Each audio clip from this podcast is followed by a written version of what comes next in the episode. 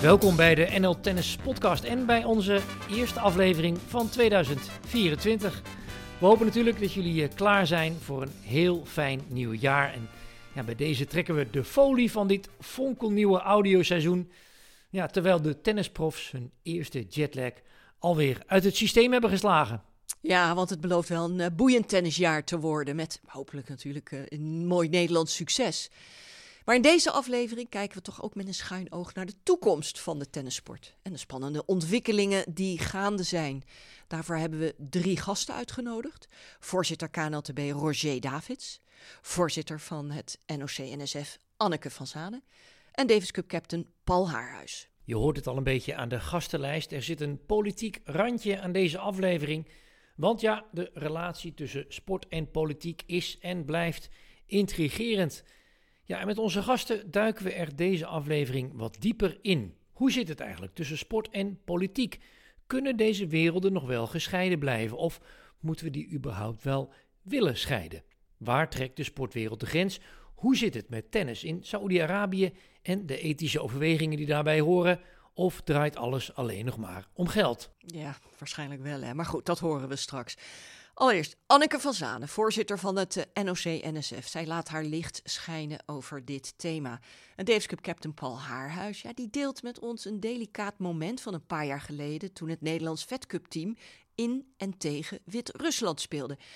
En die president, Lukashenko, maar al te graag met de Nederlandse speelsters op de foto wilde. Ja, ja, maar we trappen af met voorzitter van de KNLTB, Roger Davids. Onlangs gekozen in het bestuur van de ITF... Hoe belangrijk is dat voor Nederland en hoe kijkt hij naar de ontwikkelingen van tennis in het Midden-Oosten en natuurlijk de Davis Cup? Hier komen zijn antwoorden. Ja, uh, Roger, uh, felicitaties alsnog met je uitverkiezing in uh, de ITF-board, het grote bestuur van de Internationale Tennisfederatie. Dat is een belangrijke positie wereldwijd in de tennissport. Hoe belangrijk is dat eigenlijk voor, voor Nederland? De ITF of dat ik in de Nee, dat jij erin zit. ja, dat is wel rempel gelukt, hè? Ja, huzaren stukje. Moest je lang lobbyen? Nou, ik heb, ik heb wel vier jaar de tijd genomen om, om goed te begrijpen wat de ITF nu precies doet. Want jij zegt, ja, hoe belangrijk is dat voor het Nederlandse tennis? Um, ITF is natuurlijk een van de spelers. Hè. Er gebeurt natuurlijk nog veel meer in de tennissport. Dus ik denk dat uh, ITF echt wel uh, van belang is voor de Nederlandse tennissport. Um, op een aantal fronten echt het verschil kan maken. Ook natuurlijk als basis de regels maakt hè, van tennis. Uh, dus heb je veel invloed op het tennisspel. En ik denk dat ja, ik in het bestuur zit niet primair voor de Nederlandse belangen. Maar het is toch wel nuttig. Ja, dat denk ik wel. Ja. Ik denk dat we heel dicht op een aantal uh, onderwerpen kunnen zitten. Zoals? En daar, nou ja, uh, hè, een groot trademark van de ITF is de Davis Cup en de Billie Jean King Cup, om maar even iets te noemen. We hebben een enorme weg voor onze talenten.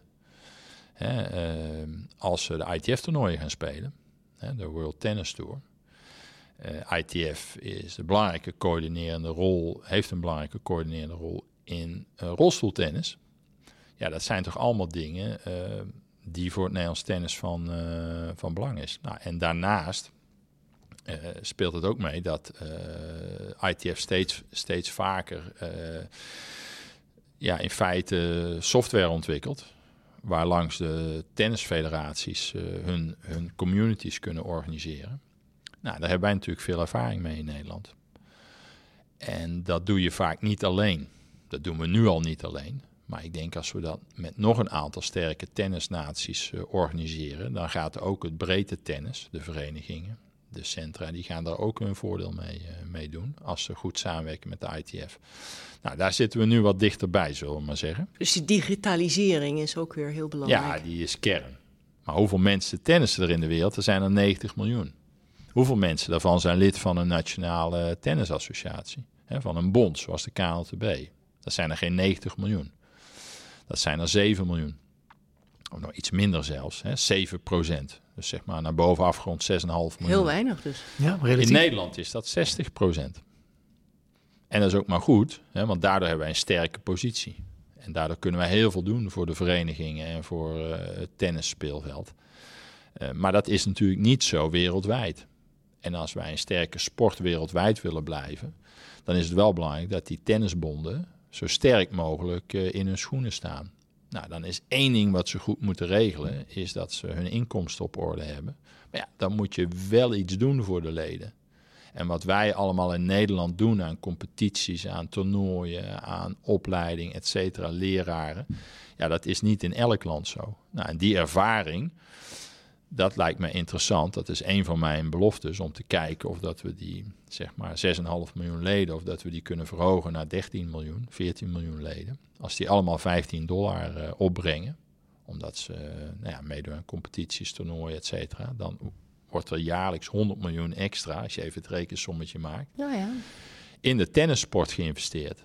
Nou, dat heeft de tennissport echt heel hard nodig. Want we hebben natuurlijk wel concurrentie, van, niet alleen van andere sporten, maar ook van andere dingen uh, in, in onze samenleving. Nou, dat vind ik een heel mooi streven om, uh, om daaraan te werken. En de ervaring van een innovatieve tennisbond als de KLTB, ja, is daar ja, als basis uh, ja, heel erg welkom. Maar goed, dus ook, dus ook tennissport breed heel, heel duidelijk bezig. En, en ja. Als je tennissport breed kijkt nu, dan, dan ontkom je niet aan de situatie Saudi-Arabië op dit moment. Hoe, hoe, kijkt de ITF daarna? Hoe zou je die houding willen samenvatten? Nou, dat is een interessant bruggetje die je nu maakt. Hè? Want ik zat nu even nog op verenigingsniveau. Zeker, ja. ja. en nu zitten we plotseling met z'n allen in het Midden-Oosten. Ja, ja, die brug moeten we toch ja, maken. Ja, dat begrijp ik.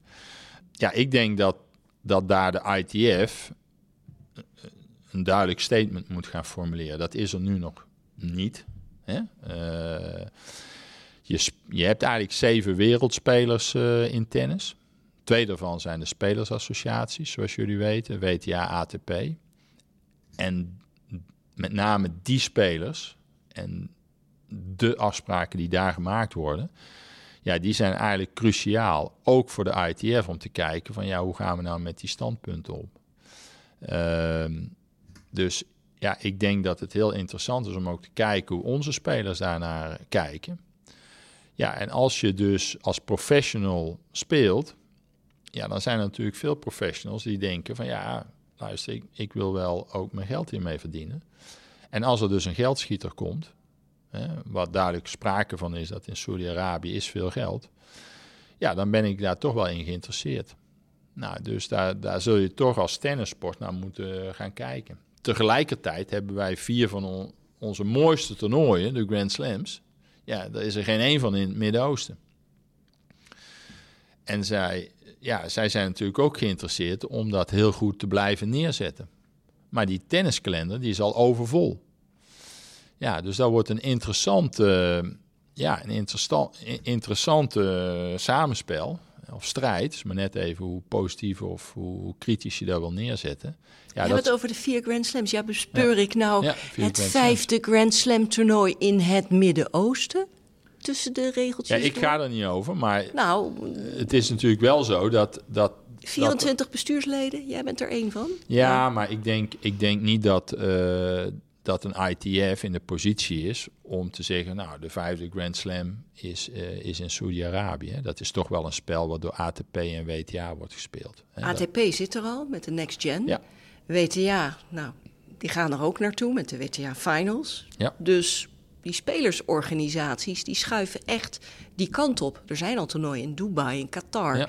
noem maar op. Dus um, het wordt wel heel interessant. Ja, ik denk dat als jullie mij deze vraag, ik weet niet of dat die gelegenheid zich voordoet, over negen maanden nog eens stellen, dan is het speelveld echt wel opgeschud, is mijn inschatting. Zit er nog een groot verschil tussen de visie van KNTB versus ITF?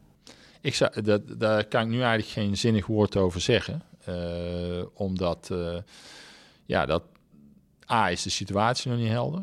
Twee, uh, het standpunt van de ITF moet nog geformuleerd worden. En dan is het denk ik belangrijk als KNTB dat je kijkt van, joh, hoe gaan wij daarmee om? We hebben spelers en die belangen die wil je ook goed dienen. Je hebt een moreel standpunt. Nou, en daartussen ga je gewoon afwegingen maken. En dat uh, noemen ze dan politiek. Hè? Ja, en ik denk dat we daar gewoon heel, heel, ja, daar moeten we gewoon een heel weloverwogen standpunt over nemen. En dat komt nu eigenlijk te vroeg. Ook al zou ik er best met jullie nu verder over kunnen doorpraten. Het is gewoon heel actueel, jullie noemen het terecht. Alleen ik denk dat het echt, ja, komend half jaar uh, wordt, komt dat spel op de wagen. Ja. En over tien jaar is uh, het Midden-Oosten dan een echte tennishub, zoals Europa dat nu is. Amerika, vroeger was het Australië, dat is nog maar een klein onderdeel. Midden-Oosten is nu heel klein, maar dat wordt dus echt een tennishub. Dit, dit is een van de scenario's. Ik, ik zou dat niet zo stellig zeggen, uh, Marcella. Ik, uh, ik denk dat dit een, een, scenario kan zijn als iedereen zich daarna blijft bewegen en vooral uh, zegt van ja, daar, daar is gewoon heel veel financieel heel veel te halen of we hebben dat nodig. En of dat, dat spelers nou zeggen of toernooien of als, als dat is waar het naartoe uh, ontwikkelt, ja, dan gaat, dan gaat het Midden-Oosten echt wel een, een grotere rol spelen. Maar ja, uh, er kunnen ook andere overwegingen zijn. De mensenrechten. Ja, bijvoorbeeld de mensenrechten. Uh, en daarin zijn ook uh, ja, verschillende stromingen. Hè? Gaan we daar nou juist een moment van maken om daar met elkaar over in gesprek te komen? Door dit soort van evenementen. Dat is natuurlijk een stroming. De dialoog, of, zoals ja, Billie Jean King daar de ja, voorstander ik vond van dat, is. Uh, ja, ik, ik vond dat, dat, dat Billie Jean King dat zo duidelijk heeft geformuleerd. Gedurfd ook? Dat vond ik echt gedurfd, ja. Aan de andere kant ja, zijn wij in Nederland, hebben wij gewoon een aantal normen en waarden. Ja, die liggen toch anders dan, uh, dan wereldwijd. En ook anders dan in het Midden-Oosten. Ja, in hoeverre vinden we dat nu acceptabel? Hè? Dat mensen in andere landen er anders mee omgaan. Ja, dat, dat is echt iets heel gevoelig. Want wij vinden het in Nederland, en wat mij betreft meer dan terecht, dat je gewoon jezelf moet kunnen zijn.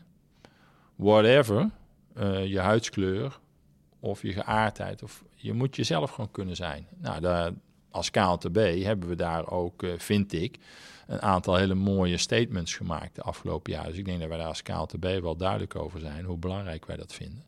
En hoe wij dat proberen te faciliteren op de verenigingen. Maar ja, in een werelds perspectief uh, moeten we daar uh, gewoon heel goed kijken naar die afweging.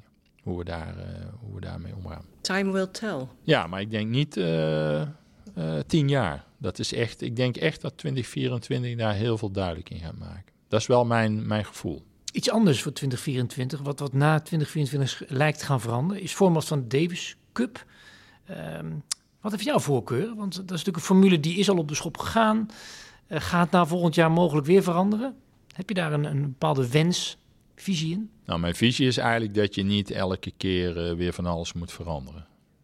Dat is in ieder geval mijn visie. Want iets heeft wel tijd nodig om zich te ontwikkelen. Maar is het huidige format toekomstbestendig? Ik denk dat het heel goed is om het huidige format echt heel kritisch te bekijken en te zeggen: jongens, wat vinden we hier nou van? En ik heb al alles eerder gezegd van met name de september, hè, zeg maar de kwalificatie van de laatste 16 landen naar 8 landen. Dat met name die fase, ja, die behoeft echt aandacht. Dat moet echt beter. Daar kunnen we niet toptennis spelen met 100 fans in het stadion. Wat was de ITF tevreden over de finals uh, in Malaga?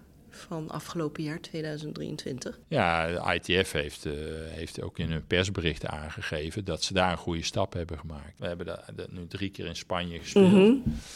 Dat daar zie je echt grote stappen. Op allerlei terreinen. Hè, dus voor de spelers, uh, faciliteiten, voor alle supporters. Uh, en als we gewoon kijken naar de sfeer, die, die ik dan even wil, uh, wil benadrukken, dan, dan, dan was het daar bijna elke keer vol uitverkocht, goede sfeer. Nederland, hè, nogmaals, we verloren, maar het was een onwijs mooie sfeer tegen Italië, met de Italianen erbij, met muziek, met, nou, dat zat goed in elkaar, maar dat, dat was natuurlijk, dat, dat moest ook de afgelopen drie jaar flink groeien, want dat was natuurlijk drie jaar geleden niet zo. Nou, dat, dat geeft mij wel vertrouwen, dat dat format dus, want dat is een van jouw vragen, uh, dat dat format wel potentie heeft. Dat was Roger Davids, trouwe supporter van de Davis Cup, ITF-bestuurder en strijder om wereldwijd meer mensen op de tribunes te krijgen bij de Davis Cup dus. Ja, en dat is dan wel waar die natuurlijk op neutraal terrein gespeeld wordt. Volgende maand in Groningen trouwens zal de sfeer, vermoed ik, ouderwets genieten geblazen zijn. Ja, en van de sfeer in het stadion pakken we nog even door naar een ander onderwerp waar het eerder al even over ging, namelijk de vermenging van sport en politiek. Marcella, in de inleiding, daar zeiden we nog heel voorzichtig eigenlijk, kunnen die twee gescheiden worden? Maar volgens mij kunnen we nu al wel stellen dat dat een illusie is, toch? Ja, klopt. Uh, kan niet meer gescheiden worden, helaas. Vroeger wel, nu niet meer. En er is toch ook al bewezen dat sportwashing eigenlijk wel werkt. Ik merk zelf ook dat er een kanteling is uh, ingezet. We leven ook in een veranderende wereld. Het individu staat centraal. En laten we niet vergeten dat de macht van Europa in de wereld van sportevenementen tanende is. Uh, ga maar na. De US, uh, het Midden-Oosten en Saoedi-Arabië. Dat zijn toch wel hele grote spelers uh, op die sportmarkt. En in voetbal is dat natuurlijk al lang gaande. Denk maar aan het WK in Qatar. Uh, misschien in 34 het WK in Saoedi-Arabië. Dan heb ik het over voetbal. En nog even terugkomend op dat WK in Qatar, voetbal. van al die sponsors, nou dat zijn er meestal wel een stuk of tien, of niet meer, of wel meer zou ik zeggen.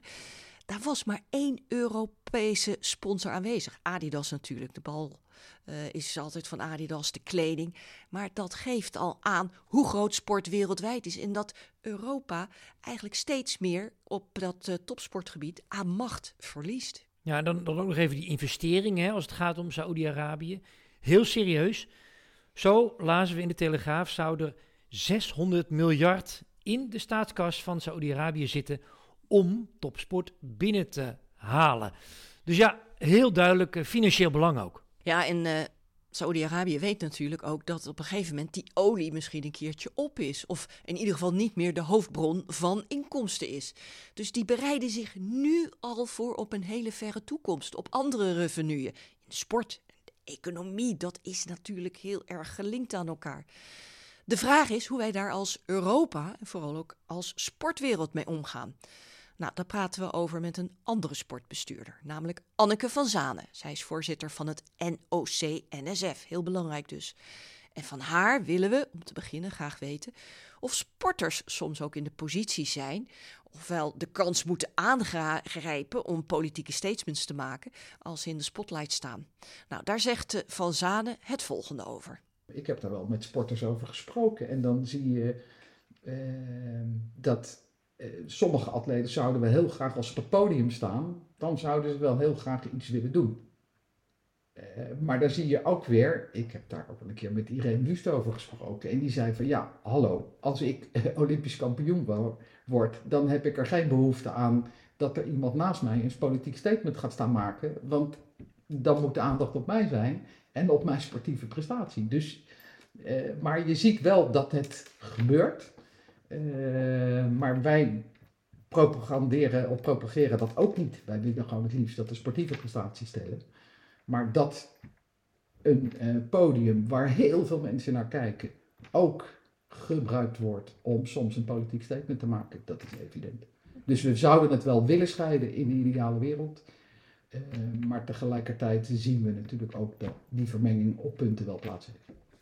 Wat vind je uh, van de situatie, bijvoorbeeld in tennis? Hè? Dan heb je de Russen en de, de Oekraïners die dan uh, weigeren de hand te schudden, ja. de Oekraïners. Ja, ja. Uh, daar is ook veel over te doen geweest. onduidelijkheid vanuit de organisatie, speelsters die dan werden uitgefloten. Dat was helemaal het, het verkeerde moment. Ik heb het gezien. gebeurt dat in andere sporten ook? En, en, en is dat dan een manier om wel met ja, atleten uit deze complexe oorlogslanden uh, om te gaan? Ja, je, ziet, je ziet grote verschillen. Want je ziet, uh, je ziet zelfs nog uh, bonden, bijvoorbeeld de boksen.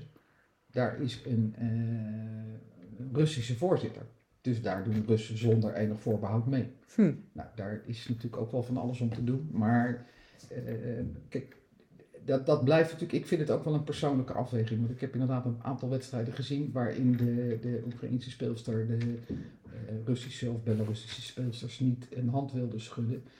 Uh, ik denk dat je dat van tevoren uh, helder moet maken en dat dat een persoonlijke opvatting is van speelsters. Het boeggeroep vind ik eigenlijk onterecht. Terwijl je ook het standpunt in zou kunnen nemen, ook op het moment dat ze onder neutrale vlag meedoen en zij voldoen aan alle voorwaarden, dan zouden zij ook gewoon een speelster of een speler moeten zijn die eh, het regime niet ondersteunt. En volgens mij heb ik nog geen tennisser horen zeggen dat ze voor die oorlog zijn. Dus je kan ook zeggen van ja, weet je, het is ook mooi om te laten zien. Dat is wat we natuurlijk als sport ook wel willen uitdragen.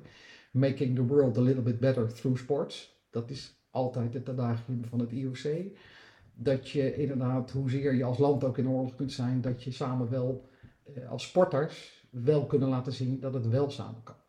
Nou ja, als individuele speelsters of spelers kiezen om die hand niet te schudden, ik denk dat het voorafgaand aan de wedstrijd helder zou moeten zijn. Want dat maakt het wel uh, wat minder ongemakkelijk.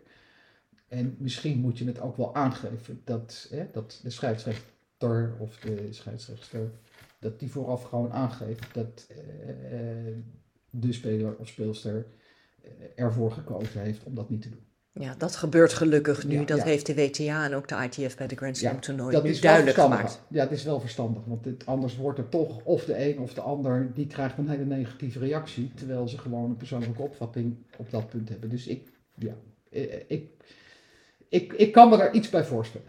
Ja, dan hebben we Novak Djokovic bijvoorbeeld in Parijs, Roland. Garros, die het ineens voor Kosovo opnam. Van, ja. Ja. dat is toch het hart van Servië. En ja, Ja, ja, dat ging hij verkondigen in de persconferenties. En hij pakte het podium, het platform dat hij natuurlijk heeft. Ja. Ehm. Is dat oké? Vind je dat eh, een, een sporter de verantwoordelijkheid moet nemen om voor zijn eigen land of, of visie uit te komen? Of moet dat helemaal Nou ja, los? dat is ik ook, als ik, als ik het vergelijk met de Olympische familie, dan is het ook van op het speelveld speel je gewoon neutraal. Het mooiste natuurlijk bij Wimbledon dat iedereen in het wit speelt, hè? Dat, dan zie je ook die verschillen helemaal niet. En als je op de persconferentie een persoonlijk statement wil maken, ja, ik vind daar eigenlijk, dat, dat is toegestaan en dat moet hij ook zelf weten. Hij is op een aantal punten is hij natuurlijk een lichtend voorbeeld voor velen. Dus als hij daar een punt van wil maken, dan ik ga hem niet tegenhouden. Maar dat is weer buiten de wedstrijdsituatie. Alleen je ziet sporters van dat kaliber, maar ook in andere sporten, mensen die eh, goud winnen, die hebben op enig moment een podium. En dan, ja, de een maakt er wel gebruik van en de ander niet. En het is, ik denk dat het ook niet goed is om sporters er het, het zwijgen op te leggen. Dat is, dat is de andere kant. En tegelijkertijd denk ik dat mensen ook moeten realiseren, want ook daar heb ik ook wel eens met topsporters gesproken, die zeggen van, eh, ik vind het ook wel heel fijn dat we weten dat we zeker op, zeker op spelen, dat wij geen uitingen mogen doen op het veld. Want anders krijg ik voordat ik op het veld verschijn, echt vele malen de vraag of ik in een bepaald shirt wil lopen. Omdat ik dan iets kan promoten of nog net even iets extra aandacht kan geven. En doordat het zo volstrekt helder is dat dat niet aan de orde is, krijg ik, krijg ik ook rust als sporter, want dan gaan ze mij niet allemaal bestoken met dat soort vragen. Dus een soort bescherming eigenlijk van de atleten. Ja, dus het, het heeft ook iets te maken met bescherming van atleten. Alleen die kant, die, die hoor je natuurlijk nooit. Want het is altijd dat de sporter iets wil zeggen. Maar soms wil de sporter ook gewoon sporten. Ja, en, en over sporten gesproken, laten we vooral ook even inzoomen op tennis. Want Saoedi-Arabië krijgt een steeds grotere voet, ook tussen de tennisdeuren kunnen we nu wel zeggen. De Next Gen Finals, ze hebben een nieuw huis in Jeddah de komende jaren. En het lijkt er heel sterk op dat ook de WTA Finals naar Saoedi-Arabië gaan verhuizen. Nou, dan hebben we de grote sterren, die laten zich dan horen in reactie afgelopen maanden. McEnroe, Everett, Navratilova. Ja, dat zijn mensen die zeggen: blijf weg uit het Midden-Oosten, zet die stap niet.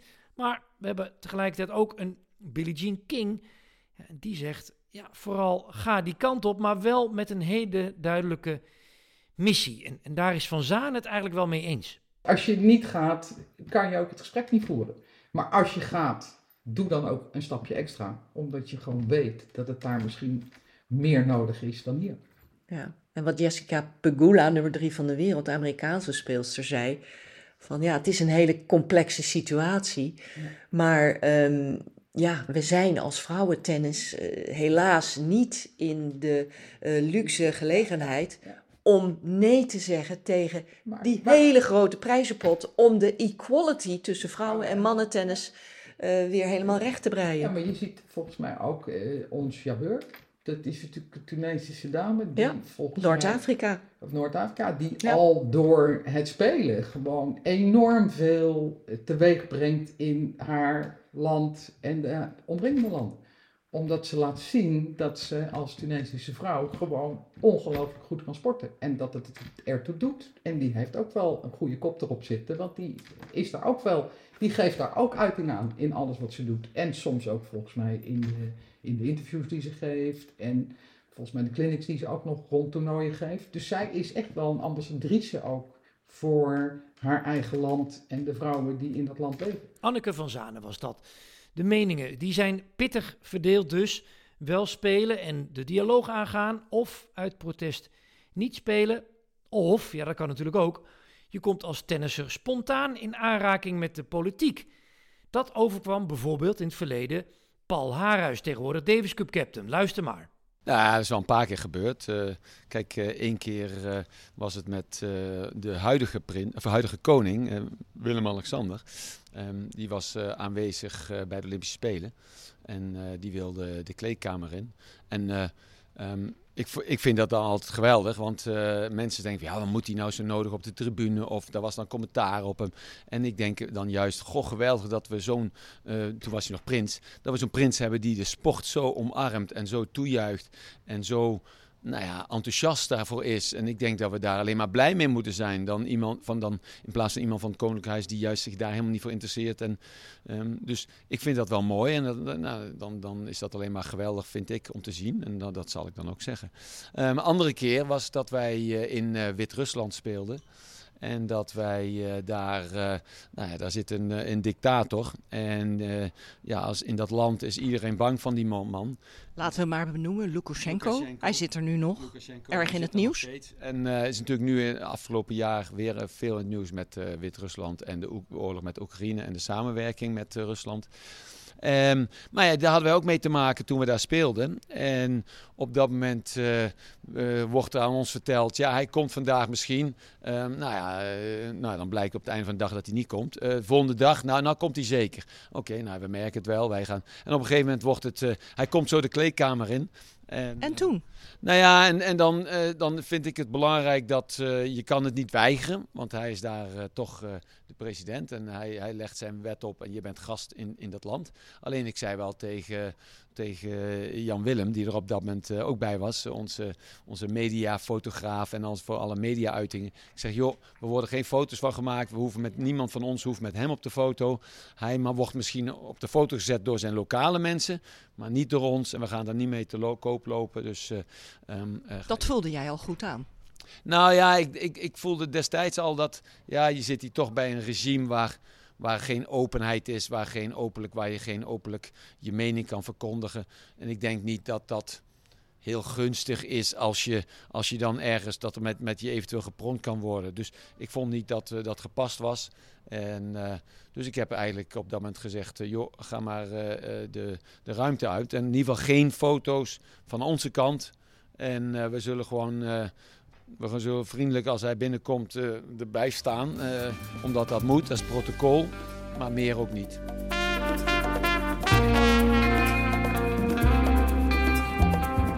Paul Harris was dat. Ja, over een opmerkelijke situatie in Minsk. Iets heel anders natuurlijk dan alle beschouwingen over het Midden-Oosten. Dat is een situatie waarbij de term sportswashing voortdurend valt. Marcella zei het al eventjes. We hebben niet de illusie dat we in deze aflevering het boek daarover voor eens en voor altijd dicht kunnen doen. Daarvoor is het gewoon veel te gecompliceerd. Maar ja, wie goed gaat verdienen aan de Saoedische toernooien, ja, je kunt niet zeggen dat hij ineens bloed aan zijn handen heeft.